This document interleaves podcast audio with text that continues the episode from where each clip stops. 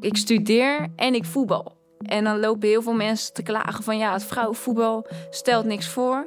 Maar ja, wij moeten daarnaast wel werken, studeren. We hebben geen tijd zoals de mannen lekker chill op de bank zitten, even trainen. En dan weer eigenlijk thuiskomen en ze hoeven niks te doen. Wij moeten eigenlijk altijd nog wat doen. De uitdagingen voor een vrouwelijke profvoetballer zijn, ja, hoe zal ik het zeggen, net ietsje anders dan die voor een mannelijke profvoetballer. Denk aan het verschil in beloning, arbeidsvoorwaarden en het enorme verschil in media-aandacht en beeldvorming. En zo kan ik nog even doorgaan. Wat betekenen die verschillen in de praktijk? En is er een manier om ze minder groot te maken? En zo ja, hoe dan?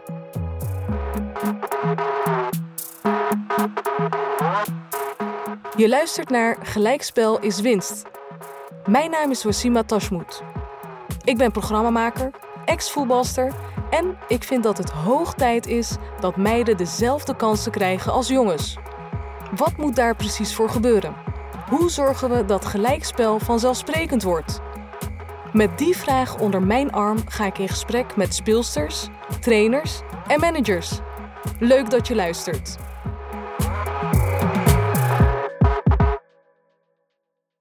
In deze aflevering ga ik in gesprek met oud-ADO-spits Jamie Ravensbergen. Zij heeft net voor het komende seizoen bij FC Twente getekend. Ze neemt ons mee in haar dagelijkse leven als voetbalster voor een profclub. Ja, ik ben uh, Jamie Ravensbergen. Ik ben 22 jaar oud en ik ben nu speelster van FC Twente Vrouwen.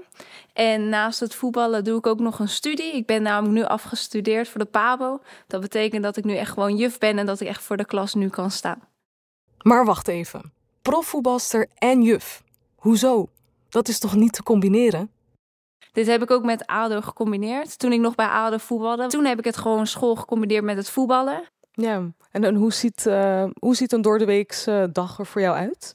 Uh, ja, ik sta om zeven uur s ochtends op en snel mijn ontbijt maken en mijn lunch. Uh, ga ik rond half acht op de fiets, want ik woon zelf in Leiden, maar mijn school zit in Wassenaar. Het is ongeveer twintig minuutjes fietsen, dus ik ben acht uur op school. Even alles klaarmaken en dan lesgeven tot drie uur. En ja, dan moest ik nog snel haasten, want ik speelde toen nog bij ADO. En toen moest ik om half vijf trainen. Dus ja, als die kinderen drie uur uit zijn en je moet half vijf op het veld staan, was het best wel haasten. kwam ik ook echt gehaast op de club aan. En uh, ja, toen kwam ik ongeveer zeven of half acht was ik thuis. En moest ik nog avondeten. En eigenlijk weer voorbereiden voor de volgende dag. Misschien ook huiswerk nakijken, uh, lessen voorbereiden. Hoe, ja, ja, klopt. Ik had ook nog verslagen die ik moest maken. Dus uh, soms was ik echt wat tien uur s'avonds achter mijn laptop nog bezig. En dat mijn ouders letterlijk op de bank zeiden... James, nu ga je even stoppen, want je moet ook even rust nemen. Ik denk dat daardoor eigenlijk ook deze blessure... want ik heb mijn kruisband afgescheurd... ik denk dat het daarom ook een beetje is veroorzaakt. Ik studeer en ik voetbal. En dan lopen heel veel mensen te klagen van... ja, het vrouwenvoetbal stelt niks voor... Maar ja, wij moeten daarnaast wel werken, studeren. We hebben geen tijd zoals de mannen lekker chill op de bank zitten, even trainen. En dan weer eigenlijk thuiskomen en ze hoeven niks te doen. Wij moeten eigenlijk altijd nog wat doen. Zoals nu, ik werk dan, ik sta voor de klas. Daarna moet ik trainen en ik kom thuis en eigenlijk moet ik nog aan school zitten. Ik zou het op zich ook wel lekker vinden als ik gewoon ochtends wakker word. Rustig mijn ontbijtje kan maken, even bij kan komen. Dan trainen misschien op de club eten. Maar. En dat is eigenlijk je dag. Ja, dat zou ik heerlijk vinden. En daarin vind ik wel dat als vrouwen iets meer gelijk mogen krijgen van dat wij ook even een keer die rust krijgen. En ik denk dat wij daardoor ook professioneler kunnen worden en beter kunnen worden. Want voor ons lichaam is dit eigenlijk gewoon niet te doen. Ja, ik denk dat ik daardoor wel deze blessure heb. omdat eigenlijk mijn lichaam onvoldoende rust heeft gekregen. Omdat ik toch daarnaast iets moet doen. Ja, ja, hoe, hoe leeft dit ook in de kleedkamer bij jullie? Want eh, dit lijkt me ook wel heel confronterend, toch? Dan, dan ben je in de kleedkamer en je ziet gewoon wat er gebeurt. Uh, dat de jongens op een andere manier worden behandeld bij bijvoorbeeld dezelfde club. Klopt, ja. En je ziet ook wel dat steeds meer clubs wel iets professioneler willen worden. Maar ja, we hebben gewoon niet eigenlijk die sponsoren die ons willen helpen daarmee. En je ziet nu wel steeds vaker ook dat um, bijvoorbeeld er uh, maaltijden worden geregeld, lunch of uh, avondeten. Maar het is toch nog niet zo als bij de mannen. Wij moeten vaak toch onze eigen dingen zelf regelen. Het leeft wel in de kleedkamer. En ik vind ook wel dat het wel belangrijk is dat wij ook die sponsoren krijgen. Want waarom zullen alleen die sponsoren de mannen gaan sponsoren? Dat vind ik gewoon nog steeds een beetje gek. Ik denk, het hoort dan toch bij de club. Dus waarom zou je dan niet beide allebei doen? Ik denk dat het voor die sponsoren ook alleen maar goed is. Want het vrouwenvoetbal komt juist nu steeds meer eigenlijk in de media terecht.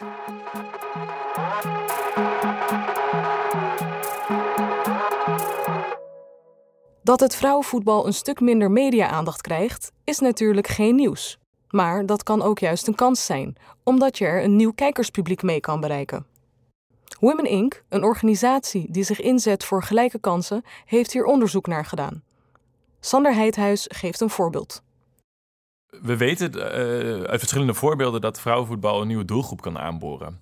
Dus uh, dat, dat blijkt uit een voorbeeld uit Engeland, daar waar Sky Sports een zender uh, heeft gekozen om vrouwenvoetbal veel meer aandacht te geven. Zij zien dat hun kijkcijfers met 70% zijn gestegen sinds ze die beslissing hebben gemaakt.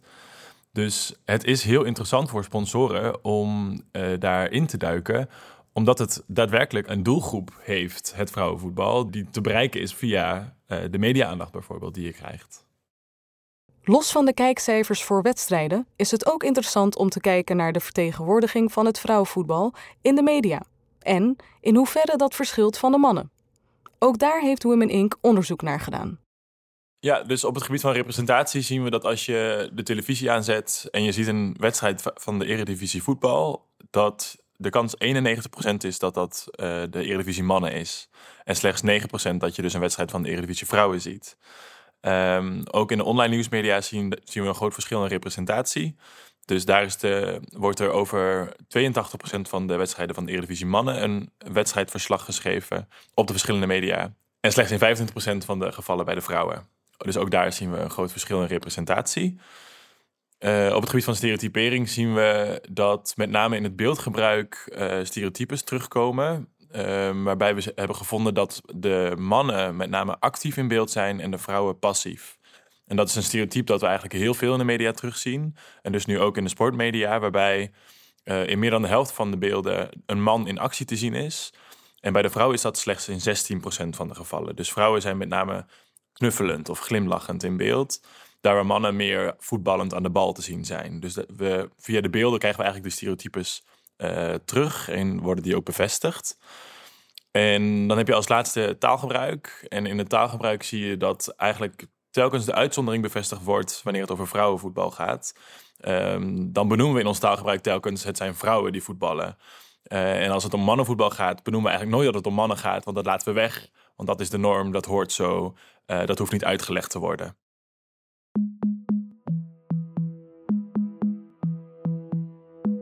Women Inc. deed onderzoek samen met journalist Monica Lam naar de beloningsverschillen. Veel clubs hebben nog geen CAO voor vrouwelijke spelers en de meeste speelsters kunnen nog niet leven van de sport. Sterker nog, 43% van de eredivisie-speelsters speelt op vrijwillige basis. Terwijl het gemiddelde jaarsalaris voor een mannelijke speler in de eredivisie een kleine 3 ton bedraagt. En, geloof het of niet, zeven van de elf clubs in de vrouwen-eredivisie krijgen geregeld te horen dat de vrouwen geld kosten. Onterecht, volgens Jamie.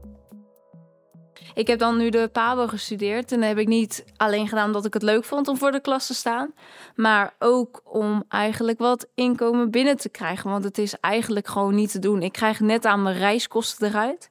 Dus daar zijn echt nog wel stappen in te maken. Zeker bij het vrouwenvoetbal. Als je even kijkt naar de mannen, wat zij verdienen en wat zij doen. Ja, is het eigenlijk heel weinig ten opzichte van de vrouwen. Jamie heeft het geluk dat ze nu bij Twente gaat spelen, een club die voorop loopt ten opzichte van gelijkheid. Er is bijvoorbeeld een CAO en Jamie's salaris is vervijfvoudigd. Dus ze hoeft niet voor de klas te staan en te voetballen. Ik vind vooral dat de mannen worden echt zo omhoog gehemeld. En ik vind het jammer dat het bij vrouwen niet zo is. Want um, ja, waarom? Bijvoorbeeld als je aan kinderen iets gaat vragen van... Nou, wie is jouw eh, bekende voetballer of wie is jouw voorbeeld? Ja, waarom moet altijd een voetballer zijn? Weet je, waarom kan je nooit eens een voetbalster kiezen? Dus ik vind dat wij als ware vrouwen toch iets... Ja, niet zo hoog als die mannen maar ik vind dat die mannen te hoog worden gehemeld. En het gaat alleen maar over mannen. En waarom gaat het nooit eens een keertje over vrouwenvoetbal? Dus ik vind dat er iets meer over het vrouwenvoetbal gesproken mag worden. Want vaak als over het vrouwenvoetbal wordt gesproken, wordt eigenlijk alleen het vrouwenvoetbal belachelijk gemaakt. Over bijvoorbeeld over dat we niet kunnen voetballen of dat het eigenlijk allemaal er niet uitziet. Maar waarom wordt dat nooit over de mannen gezegd? Waarom is het alleen maar over het vrouwen? En daar wil ik wel eigenlijk een verandering in brengen. Dat zeg je heel mooi, Jamie. Dat zeg je heel mooi. Ik sluit me daar overigens ook helemaal bij aan. Uh, hoe, hoe wil je die verandering uh, brengen? Uh, nou, kijk, we hebben nu die vrouwen gaan naar het WK.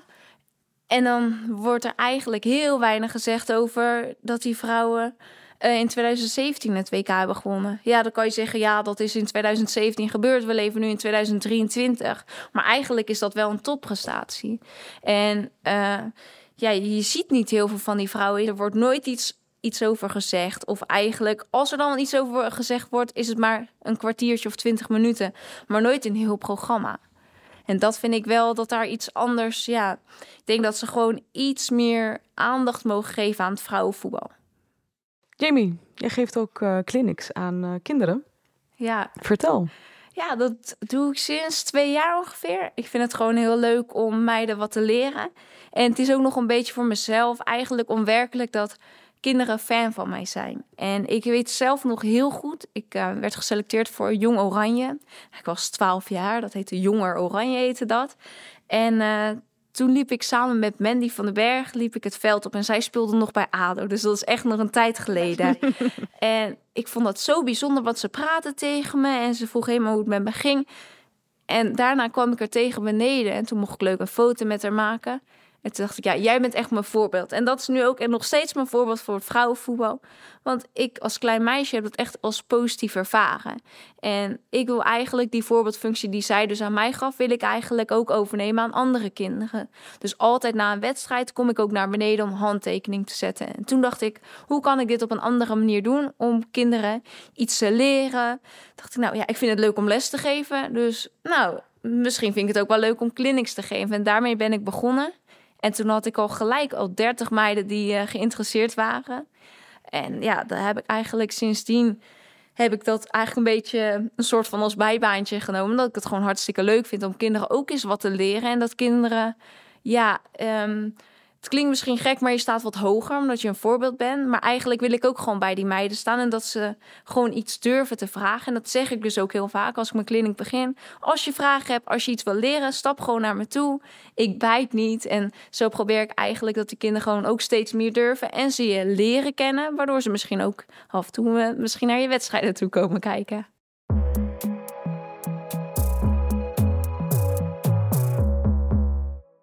Net voordat Jamie tekende bij Twente heeft ze haar kruisband gescheurd.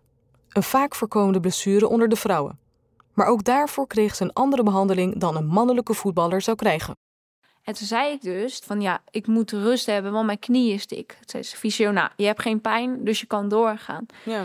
Dus ik ben eigenlijk, heb ik gewoon twee weken lang doorgevoerd met een dikke knie. Ja, en toen op een training was het gebeurd. En toen dacht ik eerst nog dat het allemaal meeviel. En heb ik gewoon een week lang getraind. Uh, wel met een echo. En uit de echo kwamen eigenlijk allemaal positieve dingen. Dus dit hoort eigenlijk ook wel een beetje bij het vrouwenvoetbal... dat er niet gelijk een MRI wordt gemaakt. Nee, want we dachten het valt mee, dus een echo. En eigenlijk in een echo kan je niet heel veel zien. Nee. Maar in ieder geval, ja, dat, daar was ik heel vrolijk mee... want er was eigenlijk niet heel veel aan de hand. Uh, mijn kuitspier was een beetje overbelast... maar dat kon binnen een week rusten. Mhm. Nou, een week gerust en ik kon nog steeds eigenlijk niet voetballen. Ik deed wel mee met een training, maar ik had elke keer dat ik door mijn knie zakte. En toen dacht ik, nou, dit is niet goed. Maar eigenlijk zei de club, nou, niks aan de hand, komt goed, even rust houden. Heb ik zelf gezegd, ik hou nu rust. En op die rustdag zei moeder, ga maar even naar de fysio. Ga maar even checken of het goed is. Waar ik dus vijf jaar geleden heb gerevalideerd ook. En die zei, nou, je knie is eigenlijk echt wel dik. Dus ga maar een MRI maken. Nou, ga maar eerst naar de orthopeed en hopelijk daarna een MRI. Volgende dag bij de orthopeed, alles zit goed. Maar ga maar voor de zekerheid een MRI maken. Nou, het MRI kwam dus mijn kruisband. En ik denk, als ik misschien wel bij de man had gevoetbald, als het ware als man zijnde, had ik gelijk binnen een week de uitslag van: hey, nee, je hebt je kruisband afgescheurd. Nu heb ik eigenlijk gewoon drie weken lang doorgevoetbald, eigenlijk doorgelopen. En ik zakte soms wel door mijn knie, maar ik dacht, nou, het valt eigenlijk allemaal wel mee. Het is misschien mijn kuit is overbelast of mijn binnenband. En ik denk dat daar ook die verschillen nog wel heel anders zijn. Ik denk dat je bij het mannenvoetbal zie je soms binnen een dag als iets gebeurt op tv, weet diegene de uitslag. Of eigenlijk zelfs diezelfde avond. En bij de vrouwen duurt het gewoon langer. Even wat anders, uh, Jamie, want eh, jij bent ook actief op TikTok. ja. ja, best wel erg. Ja. ja, ja. wanneer besloot je om. Uh, ja, en, en hoe maak je daar tijd voor vrij je drukke bestaan? Maar wanneer besloot je van: hé, hey, TikTok, dat is ook wel iets uh, waar ik actief op wil zijn? Nou ja, vijf jaar geleden heb ik ook mijn kruisband afgescheurd bij mijn andere been. En toen merkte ik door filmpjes te maken, dat stimuleerde mij. En ja, denk ik, voor de vakantiedag zag ik een beetje dat TikTok uh, viraal ging. Ik dacht, nou, dat lijkt me wel leuk om filmpjes te maken, een beetje over mezelf. En op een gegeven moment zag ik dat meesters en juffen allemaal grapjes maakten met de kinderen. Dus ik dacht, nou, weet je wat, dat ga ik ook maar gewoon eens doen. Even kijken hoe mijn kinderen reageren in de klas. Nou, dat was gewoon heel leuk. En daar maakte ik dus ook filmpjes van. En dat ging eigenlijk heel erg viraal. Maar nu ben ik ook bezig, omdat ik mijn kruisband heb afgescheurd, ben ik ook weer bezig om dat te filmen. En ook aan mensen te laten zien. Want ja, het is leuk zo'n uh, filmpje dat je altijd vrolijk kijkt. Maar het leven is niet altijd leuk. En dat wil ik ook aan de kinderen, of eigenlijk aan gewoon iedereen meegeven. Dat zo'n kruisbandblessure wel heel veel met je doet. En uh, ja, ik ga soms ook gewoon schommelen. Ene keer gaat het heel goed en de andere keer is het een mindere dag. En dat wil ik ook gewoon meegeven. En daarom maak ik denk ook een beetje die filmpjes, omdat ik gewoon ja, een boodschap wil meegeven. En waarom vind je dat belangrijk, ook om die kant te laten zien? Uh, omdat veel mensen altijd denken dat het altijd wel meevalt, een blessure. En die denken, ja joh, dan kom je wel uh, eens even niet sporten. Want dat heb ik ook in de sportschool. Dan kom ik daar en dan zeggen mensen, ah joh, dan kan je toch even niet voetballen. Ja, zo gaat het niet. Bij een topsport is dat je altijd gewoon door wilt gaan. En dat je gewoon lekker je ding wilt doen. En dat kan nu even niet. Ja, dat moet ik op een andere manier nu doorpakken. En ik vind het leuk in de sportschool. Ja, dus dan probeer ik eigenlijk een beetje dat te combineren en daar mijn balans te houden. Want ik, ja, ik moet wel er positief in staan. Als ik elke dag verdrietig ben, dan wordt het ook niks. En dan wordt mijn herstel ook niet beter. Dus daarin moet ik me gewoon weer iets meer focussen. Als laatste wil Jamie benadrukken dat het scoutingssysteem anders kan. In haar jeugd wilde ze altijd in een meidenteam spelen, maar ze kreeg telkens te horen dat ze bij de jongens moest voetballen. Waarom? Omdat ze eigenlijk nooit meisjes scouten in een meisjesteam. Wat ik eigenlijk best wel gek vind, want waarom kan je in een meisjesteam jezelf niet laten zien? Dus voor, ja, eigenlijk van hun moest ik naar een jongensteam. Waarop ik antwoordde als klein meisje: nee, dat wil ik niet, want ik heb het naar mijn zin. Ik wil plezier halen in het voetbal. En dat deed ik gewoon leuk bij mijn meisjesteam. Wel speelden wij dan tegen de jongens, maar dat vonden ze nog wel niet eigenlijk helemaal goed. Uiteindelijk op 15-jarige leeftijd toen uh, zat ik nog steeds in het meisjesteam, hetzelfde meisjesteam. Alleen, ja, die meiden werden niet meer heel serieus. En ik was nog wel dat ik graag wilde presteren. En toen draaide het wel even in mijn hoofd om... hey, ik train af en toe met de jongens mee. En eigenlijk sinds die tijd dat ik met de jongens mee heb getraind... werd ik gescout. kwam ik um, bij onder 17 volgens mij van de KVB. En zo kwam ik eigenlijk bij het schaduwteam van ADO. En ben ik eigenlijk nu een uh, geworden. Ik probeer dat ook meisjes te stimuleren. Want ik heb een meisje in mijn klas. En uh, ik sprak laatst die vader en die zei: Ja, ze voetbalt wel in een meisjesteam. Ik zeg: Nou, dat maakt niks uit. Ik zeg: Als ze maar gewoon de best doet en als ze plezier heeft. Want ik vind plezier, uh, plezier hebben wel echt belangrijk. Want daarop bereik je ook veel meer. Ik zeg, joh, en dan moet je het wel zien waar ze komt. Ik zeg, uh, ik zou niet zeggen dat ze een jongensteam moet voetballen. Wat zij zelf wilt. Kijk, wil je het, dan zou ik het leuk doen. Want je wordt er wel beter van. Maar wil je het niet, je wordt uiteindelijk toch zelf beter. Want je kan jezelf ook meer laten trainen door bijvoorbeeld... Uh, je ziet nu steeds meer van die clinics waar je naartoe kan gaan. Of speciale profs die echt een training specifiek individueel gaan maken. Daar word je eigenlijk ook beter. Jamie, ik wil je van harte bedanken voor je tijd. Ook, uh, ja, we zitten hier uh, ja, aan je, dat is je eettafel. Ja, klopt. In de woonkamer zitten ja. we bij je. Dank je voor je gastvrijheid. Heel veel sterkte en succes ook met herstel. En uh, ja, zodra je staat te knallen ook bij Twente, sta ik langs de kant te juichen. Ik nodig jullie uit voor een wedstrijd. Graag, graag. Dankjewel, Jamie. Dankjewel. Je kan Jamie volgen op TikTok, Jamie Ravensbergen.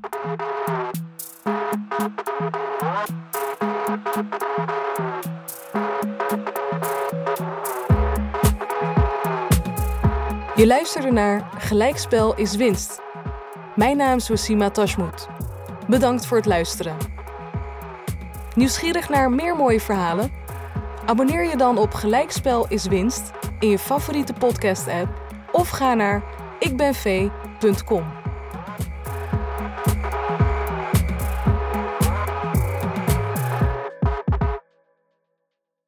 De podcast Gelijkspel is winst is een initiatief van Ik Ben V. Een beweging die strijdt voor gelijke kansen in het voetbal. En is mogelijk gemaakt door de Vriendenloterij.